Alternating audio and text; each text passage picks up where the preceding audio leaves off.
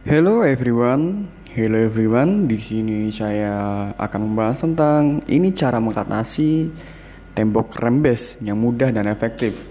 Ya, di memasuki musim penghujan, kondisi tembok rembes alias lembab sering kali menjadi masalah yang mengganggu kenyamanan di rumah. Di sini saya akan menyimak dan memberikan informasi mengenai mengatasi tembok rembes.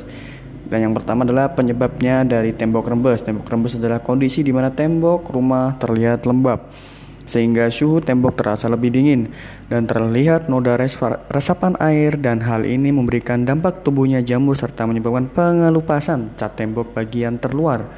Selain membuat tidak nyaman penghuni rumah, tembok rembes juga bisa menimbulkan masalah kesehatan seperti sesak napas, mata merah, dan gatal, serta infeksi atau iritasi kulit. Hal ini terjadi karena udara lembab yang minim dengan sirkulasi udara yang baik serta kemungkinan jamur yang terhirup atau menempel pada kulit.